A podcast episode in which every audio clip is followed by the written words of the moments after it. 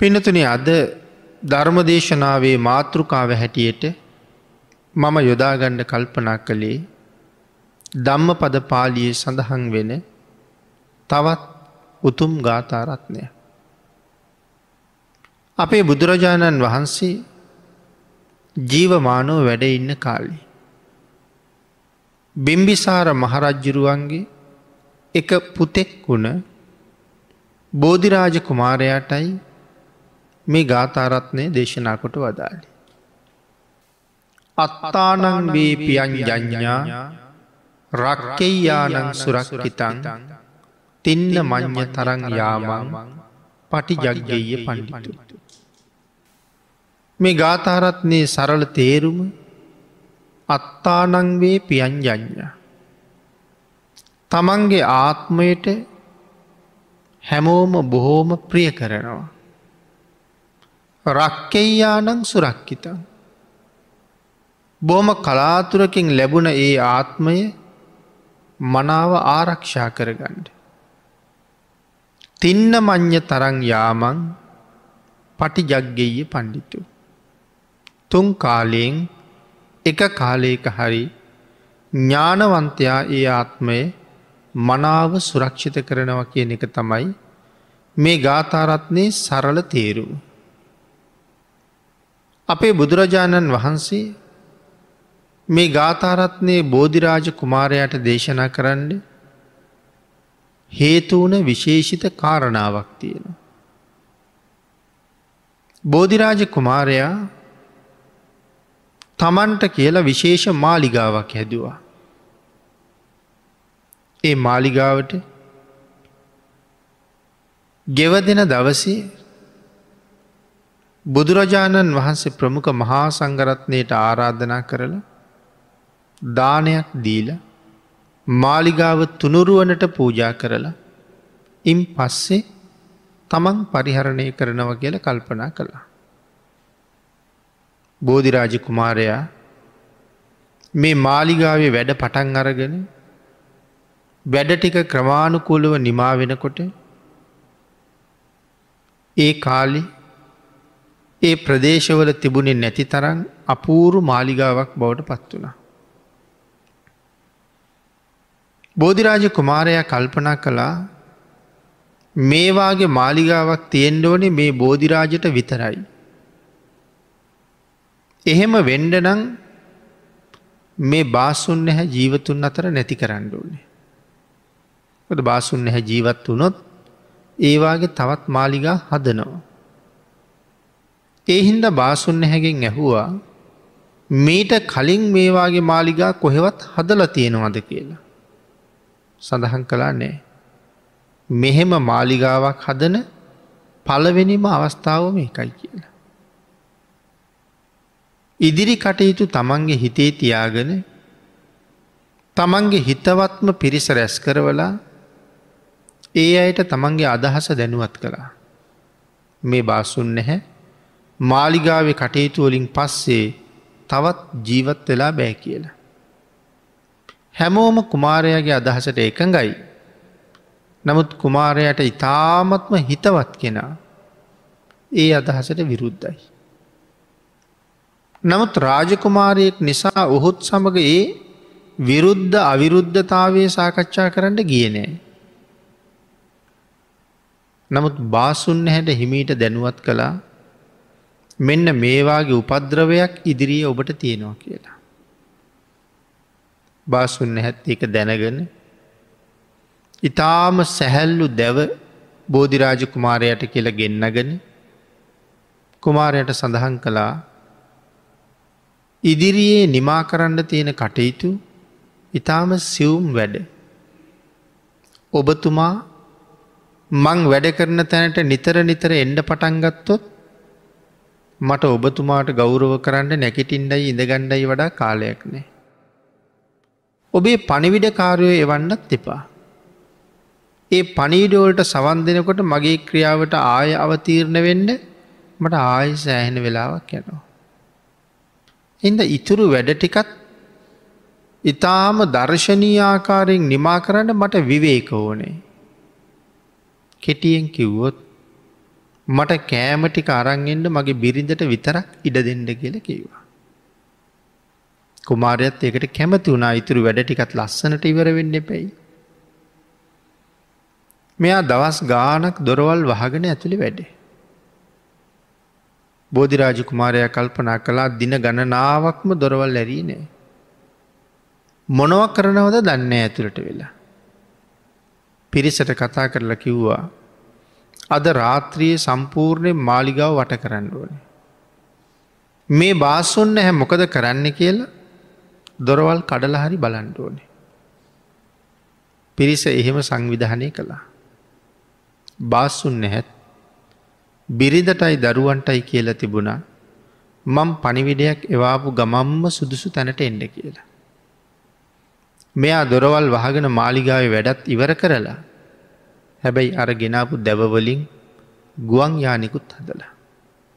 අතීතය හරි දියුණුයි. එනම් එදා වඩු බාස් කෙනෙකුට පුළුවන් වුණා ගුවන් යානයක් හදන්ට. බෝධිරාජ කුමාරයාගේ පිරිසත් මාලිගාව වට කරලා ඉන්නේ. ඇතුළේ නිමාකරපු ගුවන්යානයේ කොටස් හැටියට එලියට ගෙනල්ල ඒක එකලස් කරල දරුවයි බිරිඳයි ඒකට නංවල තමනුත් ඒ යානාව නැගලා අහසිම්ම පලාගිය. බෝධිරාජ කුමාරයාගේ පිරිසට අල්ලගණ්ඩ බැරුව ගිය. පිරිස කෑගෙහු අබාසුන් හැපැනල යනෝ කියලා. සඳහන් කරනවා ඒ බාසුන් නැහැ හිමාලය දක්වා පියාසර කරලා හිමාලයේ රාජ්‍යයක් ගොඩ නගාගෙන රජෙක් හැටියට කටයුතු කලා කියලා. මාලිගාව වැඩ ඉවරයි. බෝධිරාජ කුමාරයා බුදුරජාණන් වහන්සේට ආරාධනා කරලා දානෙ පිළියල කරලා බලාගෙනන්නවා භාගිතුන් වහසේ වඩිනක. බුදුරජාණන් වහන්සේ ඈතින් වඩිනව දැකලා බෝධිරාජ කුමාරයා පාවඩයක් එලලා අධිෂ්ඨානයක් කළා මගේ හිතේ බලාපොරොත්තුවක් තියෙනවා. ඒ බලාපොරොත්තුව මේ ජීවිතයේ දවසක මුදුන් පත් වෙනවන බුදුරජාණන් වහන්සේ මේ පාවඩේ මතින් වඩිනවා කියලා. ඒකටයි පාවඩේ එල්වේ. නමුත් භාග්‍යතුන් වහන්සේත් සිරිපතුල් දෝවනය කලාට පස්සේ අර පාවඩේ නිසා එතනම නතර වුණා මිසක් ඉදිරියට වැඩම කළේ නෑ. උපස්ථායක අපේ ආනන්ද හාමුදුරුව ඒක දැනගෙන පාවඩේ ඉවත් කෙරෙව්වට පස්සේ බුදුරජාණන් වහන්සේ ඇතුළට වැඩිය. දානෙ වලඳලා ඉවර වුණහම බෝධිරාජ කුමාරයා ළඟට ගිහිල්ල ඇහුවා ස්වාමීණි අර පාවඩේ මතින් වැඩිය නැත්තේ ඇයි කියලා. භාගිතන් වහන්සේ සඳහන් කළා ඔබේ බලාපොරොත්තුව මුදුන් පත් නොවෙන නිසා කියලා. මොකක්ද මෙයාගේ බලාපොරොත්තුව. බෝධිරාජ කුමාරයට තාමත් තාත්ත කෙනෙක් වෙන්ඩ බැරි වෙලයි හිටිය. අනාගතයටවත් ඒ භාග්‍ය ලැබෙනවද කියන අදහස තමයි පාවඩේ එරලා ඇති කරගත්ත. එනම් දැම් බලාපොරොත්තු සුන් වෙලයි තිය. අනාගතෙත් මට ඒ තත්ත්වයට එන්න එන්න බැරි වෙනවා. බෝධිරාජ කුමාරය ඇහුවා බුදුරජාණන් වහන්සේකින් ඇයි ස්වාමීණි ඒකට හේතුව භාගිතුන් වහසේ අතීත කතාව ගෙන හැර දැක්වවා. තමන්ගේ බිරිඳත් එක්ක සාගරයේ අතරමං වෙලා හිටපු වෙලාවක. මේ දෙපළ පාවෙලා පාවෙලා ගිහිල්ල මිනිස්සු නැති දූපතකට සේන්දුනා. බඩගිනි දින ගානක් බඩගින්නේ. ඉති මිනිස්සු නැති දූපතයේ මිනිස් ආහාර හොයාගණ්ඩත් අමාරුයි. නමුත් කුරුල්ලු හිටිය. ඒ කුරුල්ලු ජීවත් වන පඳුරුවලට ගිනි තිබ්බා. ඉගිලෙන්න්න පුළුවන් අය ඉගිලිලා ගියා. කුඩා සත්තු සහ ඒ අයිගේ බීජ ගින්නෙන් පිළිස්සුනා. පිළිස්සුන කුරුළු පැටවුන්ගේ මාන්සයත් පිළිස්සුන ඒ අයිගේ බීජත් අනුභව කරලා මේ දෙන්න බඩගින්න නිමාගත්තා. අනුන්ගේ දරුවෝ සහ දරුබීජ විනාස කරපු පවට මේ ජීවිතෙත් දරුවන් නැතුව අකුසලිය ගෙවන්ඩ සිද්ධ වෙන බව සඳහන් කළා. මේ නිරයවල් වල දුක්විඳල දුක්විඳලා අවශේෂ කරුම විපාක දෙන හැටි. ඒ කාරණාව දක්වලා තමයි අපි මාතෘකා කරගත්ත ගාථාරත්නය දේශනා කළේ. අත්තානංවේ පියන්ජඥා. මේ ලෝකෙ ජීවත්වෙන හැම කෙනෙක්ම තමන්ගේ ආත්මයට බොහෝම ප්‍රියයි. ඒ කියන තමන්ගේ ජීවිතයට බොහොම කැමති. තමන්ගේ ජීවිතයට බොහෝම කැමති නිසා ඒ ජීවිතය මනාව සුරක්ෂිත කර ගැනීම අවශ්‍යයි. කරදරයක් උපද්‍රවයක් ඇතිවෙන දැනෙන හැම මොහොතකම අපි මේ ජීවිතය ආරක්ෂා කරගණ්ඩ හරියට කටයුතු කරනවා. සමහර අය ඉන්න පලාතත් දාලා යනවා. සමහර අය වෙස්මාරු කරගන්නවා. සමහර අය නොයෙක් ආරක්ෂක ක්‍රම තර කරගන්නවා. නොයෙක් උපක්‍රම යොදනවා. මේ කාලි අපි හැමෝටමත් මූුණ පාණ්ඩ සිද්ධ වුණු වසංගතයක් තියෙනවා.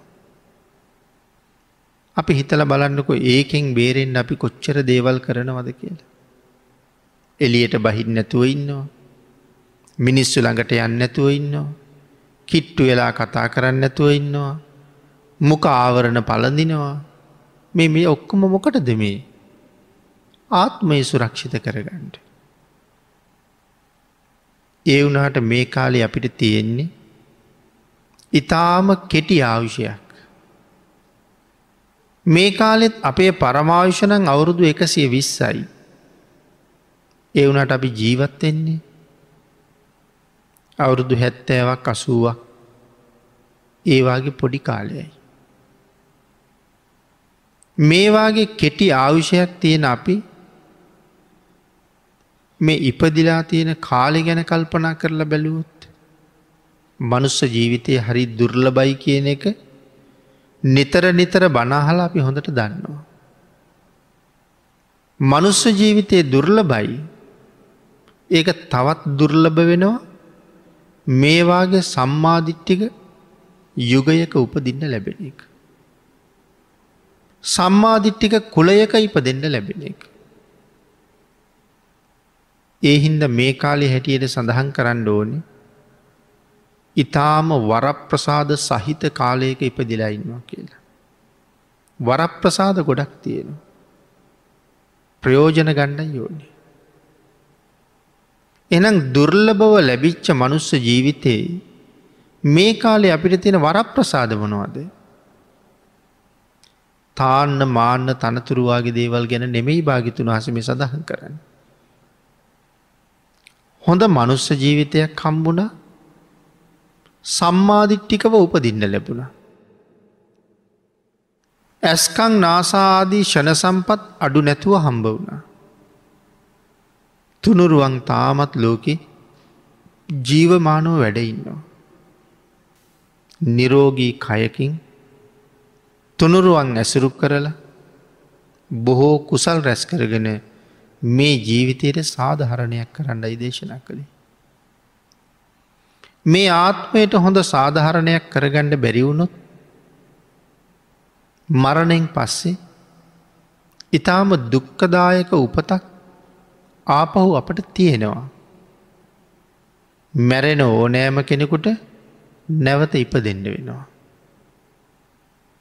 ඒ නැවත උපදින්ට තැන් බොහෝ ප්‍රමාණයක් තියෙනවා. සදිව්‍ය ලෝකෙ උපදින්නත් පුළුවන්. මනුස්සලෝකෙ උපදින්නත් පුළුවන්. හැබැයි සතරාපාය උපදින්නත් පුළුවන්. නමුත් භාගිතුන් වහස අපිට අනුශාසනා කළේ සතරාපාය උපදින්ට නෙවෙයි සුගතිගාමී උපතක් ලබන්න. නැවත නැවත කුසල් කරන්න. ඒක තමයි ලැබුණ ජීවිතයට කරන්න තියෙන හොඳම සාධහරණය. ඒ කාරණාව අමතක වෙච්ච අඥ්ඥාන අය මේ කෙටි ජීවිතය පෝෂණය කරන්න නොයෙක් දේවල් කරනවා. හුඟක් අය ඒ වෙනුවෙන් අනුන්ගේ ජීවිත විනාශ කරනවා. අනුන්ගේ දේපොල විනාශ කරනවා. අනුන්ගේ සම්පත් හානි කරනවා. බෝධිරාජකුමාරයත් අපූරු මාලිගාවක සැලැස්මක් බාසුන් හැට දීලා මාලිගාව පිළිබඳව ඇතිවෙච්ච තන්හාාව හින්දා. තවත් අපරාධයක් කරන්න ලෑස්ති වුණේ. නමුත් ඔහුට නොදැනීම ඔහු අපරාධයක ප්‍රතිඵල බුක්ති විඳිනවා. දරුවෙක් නැති දුකෙන් පීඩාවට පත්වෙලා. නමුත් ඔහු දන්නේ නෑ ඒ ඇයි කියලා. මේ වෙලාවේ තවත් මනුෂ්‍ය ඝාතනයක් කරලා නිරයට යන්නත් පාර හදමින් අල්පායුෂ්ක වෙන්නත් පාරහදනු. අපි අතර ජීවත් වෙන හුඟාක් අය අල්පායුෂ්කව මරණයට පත්වෙනවා. ළමා අවදියත් මැරෙනව තරුණ අවදියත් මැරෙනව මැදිවියත් මැරෙනව සැඳෑ සමයත් මැරෙනවා. සැඳෑ සමයේ මැරෙන එක නම් අපි හැමෝම දන්නවා. ඒ වුණට අකාලයේ මරණය අපිට හුඟක් වේදනාගේනවා. නමුත් අකල් මරණවලට හේතුමොනවද බුදුරජාණන් වහස දේශනා කළා ප්‍රධාන හේතුව තමයි ප්‍රාණගහතය. නිරයවල්ලු ලොවපදිලා දුක් විඳිනවා. විශේෂයෙන් ප්‍රාණගහත කරන අය සංජීව කියන නිරේප දෙන බව සඳහන් කර. අනික් නිරේවල්ලෝටත් යනවා. සාමාන්‍යයෙන් ප්‍රාණගහත කරන අය සංජීවය තමයි උපදිනවා කිවී. අවුරුදු කොච්චරක් විතර ආයුෂයිද මනුස්ස වර්ෂවලින්නම් බිලියන එක්දස් හයිසිය විස්සක් විතර. අති දීර්ගයි. කූම්බි මැරුවත් මදුරුව මැරුවත් හරක් මැරුවත් මිනිස්සු මැරුවත් යන්ඩ තියන්නේ. එහෙමනම් බෝධිරාජකුමාරයක් කරන්න හදපු අපරාධි ඒවාගේ භයානක නිරේක උපදින්ට තරන් හේතුවෙන අකුසලය. නමුත් පෙර අකුසල් කරලා අද එක පැත්තකින් දුක්විඳෙනවා. පෙරකරපු අකුසල් නොවැටහෙන්නේ. මේ සංසාරය භවයෙන් වැහිල තියෙන හින්ද. පෙර කළේ මොනවද? කුසල් මොනවද අකුසල් මොනවද?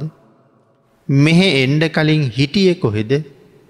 මොනවාගේ දුක් වින්දද කොයි විදිහ සැපවින්දද ඒ එකක්වත් ඔබවත් මමවත් දන්නේ නෑ. හේතුව පෙර භවය පෙර ජීවිතය භවයෙන් වැහිල නිසා. පෙරත් මෙච්චර අකුසල් කලා මේ තරං නිරයේ හිටිය කියලා දැනගත්තන කවදාවත් මෙදාකාලේ අකුසලයට යොමුවෙන්නේ නෑ. අපේ අය අහල ඇති අර මිගලන්තික කියලා වැද්දෙක් පිළිබඳව සඳහන් කරනවා අපේ රටි. මෙයා ජීවත්වෙන්නේ සත්තු මරලා. දවසකට උගුල් සීයක් හදනවා.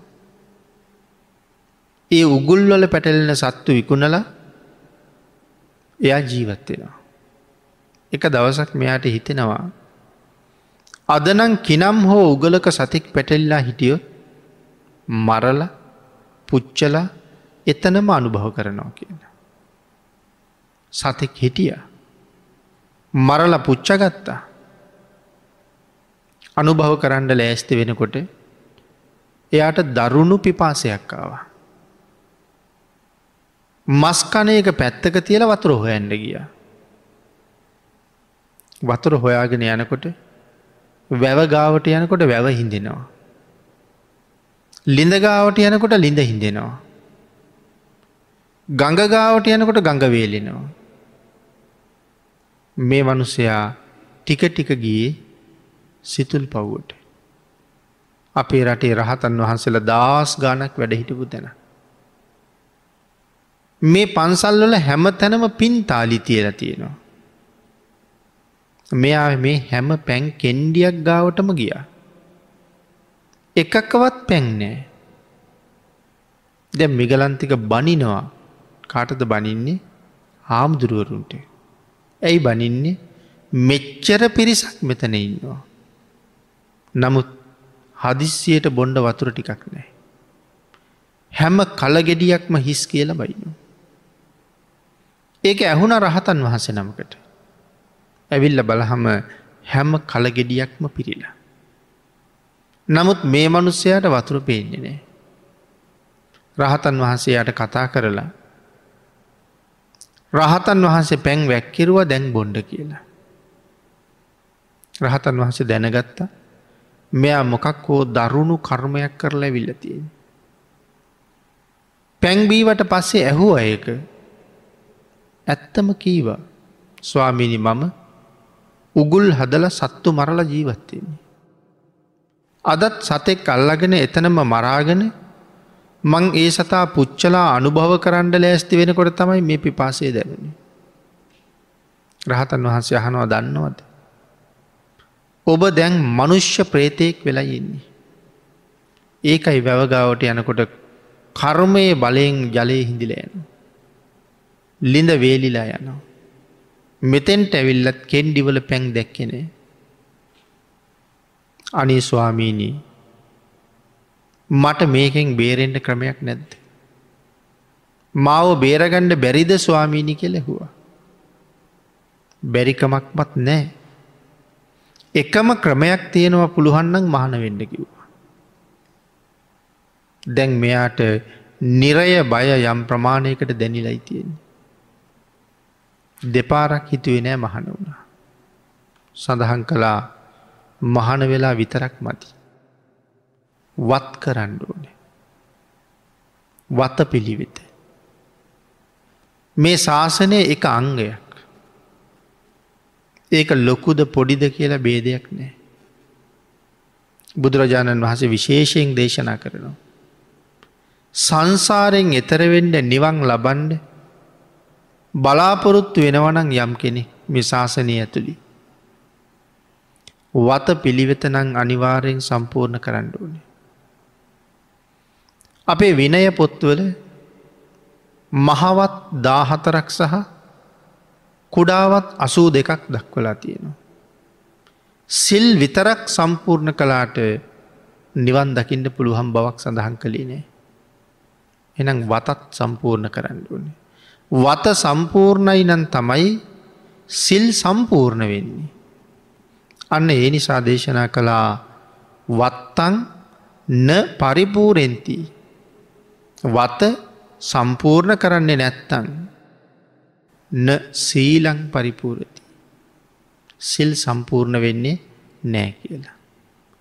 උපෝසත සිල් සමාදන් වෙච්ච දවසට ගිහි ඔබටත් එහෙම්මම තමයි. විහාරස්ථානවල වත සම්පූර්ණ කරනකොට ඔබෙත් සිල් සම්පූර්ණ වෙනවා. අන්න එහෙනම් මිගලන්තික පැවිදි වුණා සඳහන් කලාවත් කරන්න ඕනේ. ඉතින් බොහොම පහසුවත් නෙමෙයි තියෙන්නේ. සිතුල් පව්වෙත් වත කරන්න ඕනේ. කිරිවෙහිරෙත් වත කරන්න ඕනේ. සිතුල් පහුවෙන්දල කිරිවෙහෙරට සැතපුම් ගණනාවක් තියෙනවා. පයිම්ම යන්ඩ ඕනේ. ඔය අතරේ තවත් විහාරස්ථානයක් තියෙනවා එතනත් වත කරන්න ඕනේ. දවසකට තුම්පොලක වත කරන්න ඕනේ.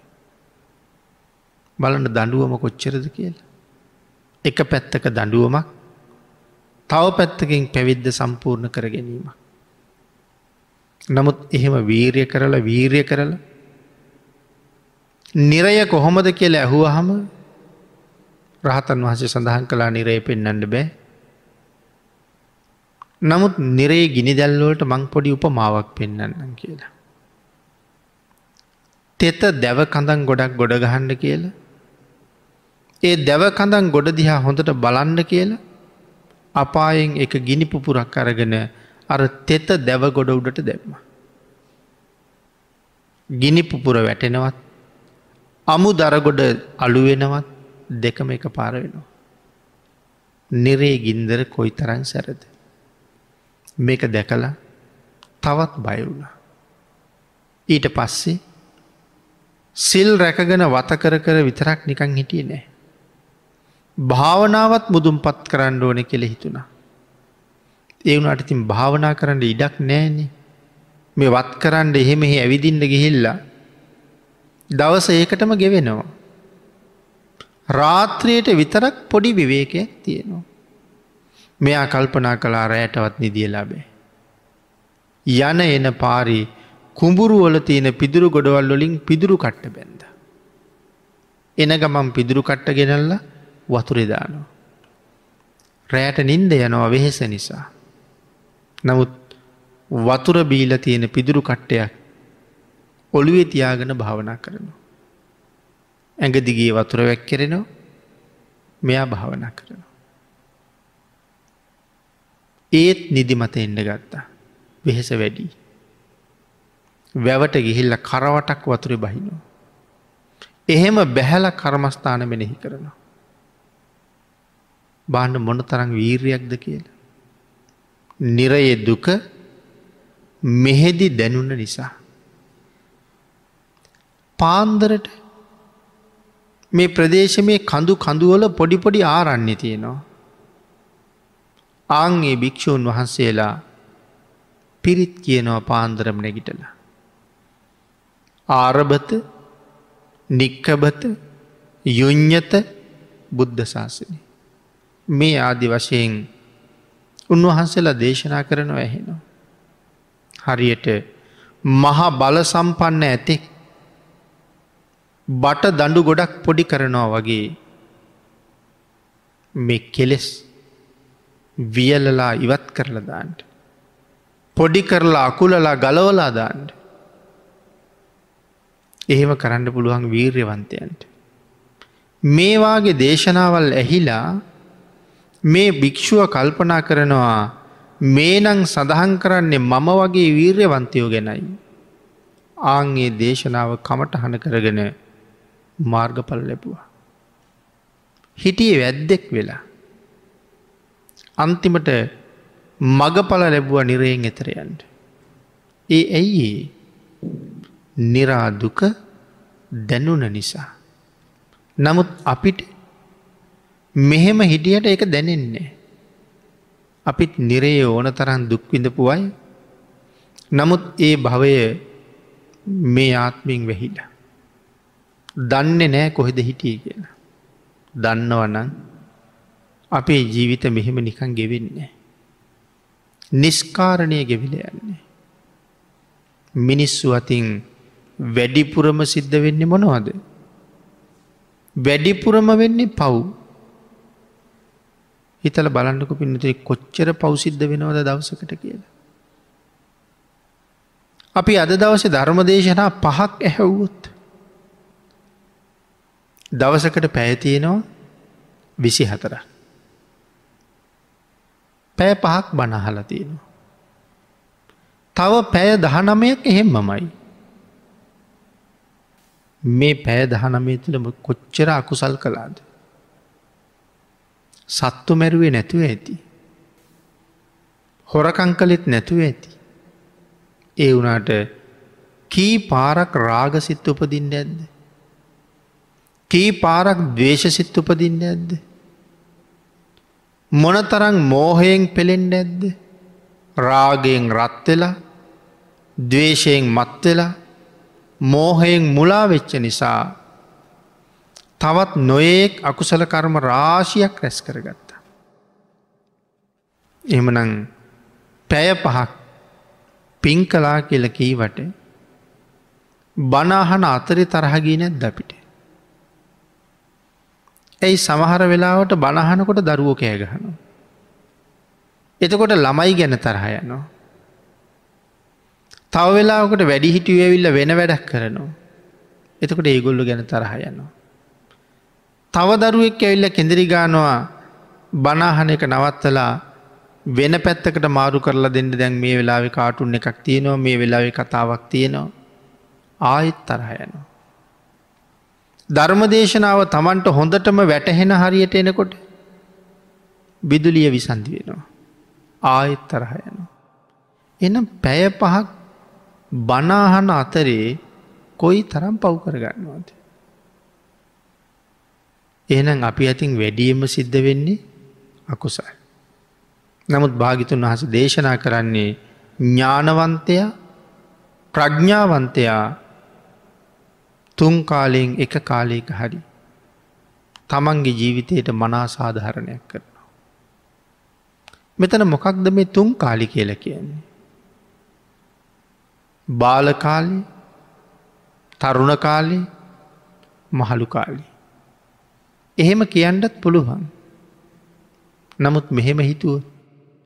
කෙනෙක් කල්පනා කරනවා අපි තාම තරුණ කාලෙනෙ ඒ හින්ද සැදෑ සමයට ගිහිල්ල සිල්ගන්නවා භාවනා කරනවා දන් දෙනවා නොෙක් දේවල් හිතනවා.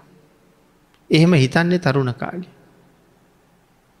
නමුත් මොන අභිග්ඥාව තිබිලද හිතුවේ මට සැදෑ සමයක් තියෙනවා කියලා. කෞද දන්නේ අපි සැදෑ සමය වෙනකං ඉදීද කියලා. මේ සිතුවිල්ල සිතන අවස්ථාව තුළත් මගේ ජීවිතයේ මගෙන් ගෙලිහෙන්න පුළුවන්. අන්න ඒවාගේ අස්තීර ජීවිතය. තනපතක් අග පිණිබින්දුවක් යම්සේ බිම වැටෙයිද ඔබේ මගේ ජීවිතයත් ඒමයි. ගහක තියෙන ගෙඩියක් කොයි මොහොතේ බිම වැටෙයිද අපේ ජීවිතෙත් ඒවාගේ.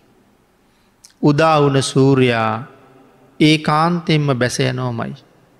ඉපදිච්චාපි අනිවාරයෙන්ම මැරෙනවමයි. නමුත් කවදද කොතනද කොයි වෙලාවිද කියලා තීරණයක් නෑ.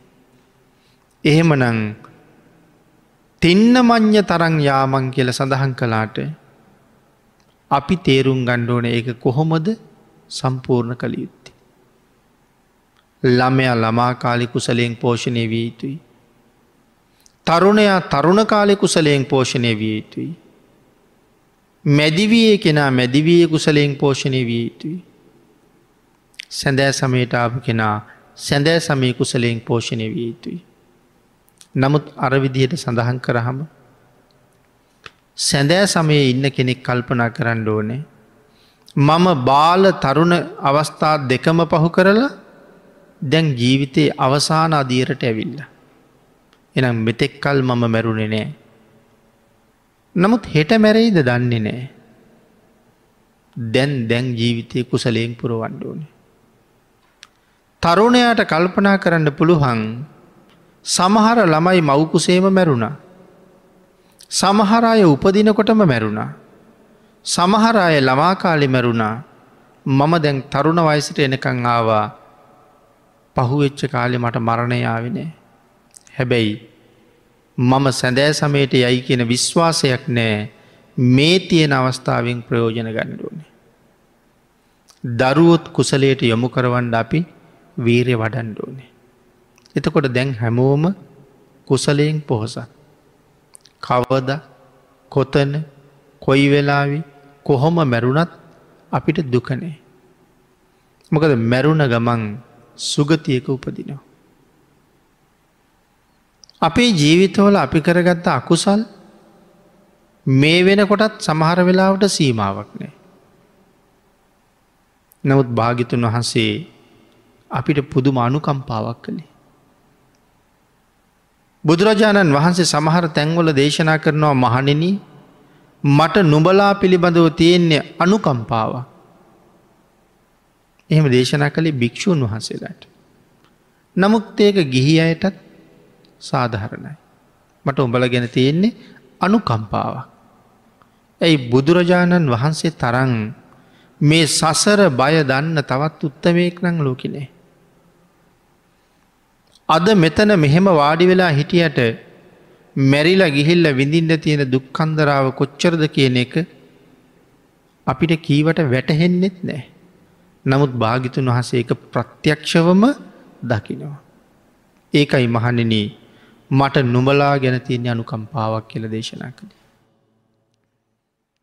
අපිට රැකවරණයක් භාගිතුන් වහස පුදුම විදියට හැදවා. ඒ තමයි පස්සේ කලින් දවස්වල කොච්චර අකුසල් වෙලා තිබුණත්. ගෙවිල ගියපු කාලේ නොයෙක් අකුසල් වලින් පිරිල තිබුණත්. ආනන්තරිය පාපකර්මයකට මුණ දීල නැත්තං නිදහස් වෙන්ඩ පුළුවන් අවස්ථාව බොහොම තියෙනවා. හැබැයි මහා කුසලයක් වෙලා තියෙනවනම් ඔහු නිරයෙන් මුදවන එක පහසු නෑ එක කරන්න බැරි දෙයක්. නමුත් ආනන්තරීය කර්මයකට මෙහා තියෙන මිත්‍යා දෘෂ්ටිය හැර අනික් කර්මෝලින් රැකවරණය ලබන්ඩ ක්‍රම බුදුරජාණන් වහන්සේ පුදුම විදිහට පැහැදිලි කළ. යම් කෙනෙකුට බුදුරජාණන් වහන්සේ ළඟට ගිහිල්ල පොරොන්දුවක් දෙන්න පුළුවන්න. ස්වාමීණි භාගිතුන් වහන්සේ. අද දැන් මේ වෙලාව ඉඳලා. මගේ ජීවිතයෙන් නැතිවෙන මොහොත වෙනකං ජීවිතය වෙනුවෙන්වත් දරුමල්ලෝ ධනසම්පත් වෙනුවෙන්වත් මම කවදාවත් පන්සිල් උල්ලංඝනය කරන්නේ. අපි එකට කැන දිවි හිමියෙන් සමාදන් වෙනවා කියලා. ආං එහෙම හරියටම ප්‍රකාශයක් කළුත් හැබැයි ඒක හර්ද ශාක්ෂයට එකඟවම එහෙම්මම වෙන්ඩුවනේ. අම්ම තාත්තා කොටියෙක් ඇවිල්ල ඇදගෙන යනව දැක්කත්. බේරන්ඩ පුළුවන්නම් බේරගන්නවා නමුත් කොටිය මරණව කියන තැනට යන්නේ. කොටියෙක් ඇදගෙන ගිහිල්ල කණ්ඩ තරන් අකුසලයකුත් මව්පියන් සතුවත් සසර ඇති කියලා හරි අඩුම තරම හිත හදාගන්න. බේරන්ඩ පුළුවන්නන් පුළුවන් උපරිම ක්‍රමයක් යොදනවා හැබැයි ප්‍රාණඝාතයට යන්නේ. එතකොට එතෙන්ට දියුණු වෙනවා කියන එක තරම් පහසු වැඩක් පහසු වැඩක් නෙමේ. අද මේ දැන් සමාදන් වෙලා කරන්න පුළුහන්ද කියලා අපව් හිතන්ඩුවනේ. නමුත් යමෙකුට අන්න එහෙම පොරොන්දුවක් වෙන්න පුළුවන්න. කොහොමද දේශනාවි සඳහන් කළේ. බුදුරජාණන් වහන්සේට ප්‍රතිඥ්ඥාව දීලා නැගිටිනකොට කවුරු හරි පිහියෙන් ඇන්නු. එතනම මැරිල වැටි. නමුත් දුගතියකන යන්නේ කියලා. එතකොට සෑහෙන කාලයක් කරපු පෞතියනවා. සිල් රකින්ට පොරොන්දුනා මිසක් තවම ක්‍රියාත්මක වෙන්ඩ බැරි වුණා. නමුත් අවංක පොරොන්දුව නිසා සතරාපායින් මිදවීමේ පුදුම ශක්තියක් මේ සීලය ගුණය ළඟ තියෙනවා. ඒකයි මංකිවේ සුළු පටු රැකවරණයක් නෙමෙයි අපිට හදල තියෙන කියලා. අත්තානංවේ පියන්ජඥා රක්කෙයානං සුරක්කිත. හැම්ම කෙනෙක්ම තමන්ගේ ආත්මයට ආදරී. ආංගේ නිසා මැරිල සතරාපායක නොයන සුගතියෙන් සුගතියට ගිහිල්ල සංසාරයෙන් එතර යන ජීවිතයක් පෝෂණය කරන්න අවස්ථාව මේ සම්මාධිට්ටික ජීවිතයට හොඳටම තියෙනවා. තුනුරුවන්ගේ පිහිට සරණ ආරක්ෂාව අපිට අඩු නැතුව තියෙනවා. එයින් ප්‍රයෝජන ගණ්ඩ අපි ප්‍රඥාවන්ත විය යුතුයි. අපි දක්ෂ විය යුතුයි. තින්න මං්්‍ය තරංයාමං පටිජක්ගෙය පණ්ඩිතු. ළමා කාලි මැරුණත් තරුණ කාලෙ මැරුණත් සැඳෑ සමේ මැරුණත් මම දුගතියක යන්නෑ කියන විශ්වාසය යමෙක් ළඟ තියෙනවන. ඔහු හරි සතුටින්ම මැරෙන කෙනෙ. මැරෙන වෙලාවේ අපිට පහළ වෙන නිමිති ගති නිමිති. මේ අදී නොයෙක් නිමිති තියෙනවා. මේ ජීවිතයේ වැඩියෙන්ම ප්‍රගුණ කරගත්ත දේවල් බොහෝ වෙලාවට ඒ අවස්ථාව මතකේටෙනවා. ඒ මතක ඇත් එක්ක ඇතිවෙන සතුට එය පදනම් කරගෙන සමහර විට ඊළඟ භවය තීරණය වෙනවා. වැඩි වැඩියෙන් පින්කරපු අයට මතක් වෙන්නෙම කුසල්. අඩුවෙන් කුසල් කරපු අයට මතක් වෙන්නෙම තමන් කරපු අකුසල්. එහෙ මුණුත් හරි අවාසනාවන්තයි. ජීවත් වෙනවා කියල කියන්නේ මැරෙන්ඩ සූදානන් වෙනවා කියන එකටයි. එනම් ඔබත් මමත් තාම ජීවත්වෙනවා අපි සූදානන් වෙන්නේ මරණයටයි ඒ කියන්නේ කුසලයෙන් පෝෂණය වෙනවා කියන එකයි. එවන් උතුම් ජීවිතයක් කුසලයෙන් පෝෂණය කරලා සතරාපායෙන් අතමිදිලා සුගතියෙන් සැනසෙන්ඩ බුදුරජාණන් වහන්සේගේ අනන්තාශිරවාදයෙන් ඔබ සියලු දෙනාටම ශක්තිය දහිරිය භාග්‍ය වාසනාව උදාවේවා කියලා ආශිර්වාද කරනවා.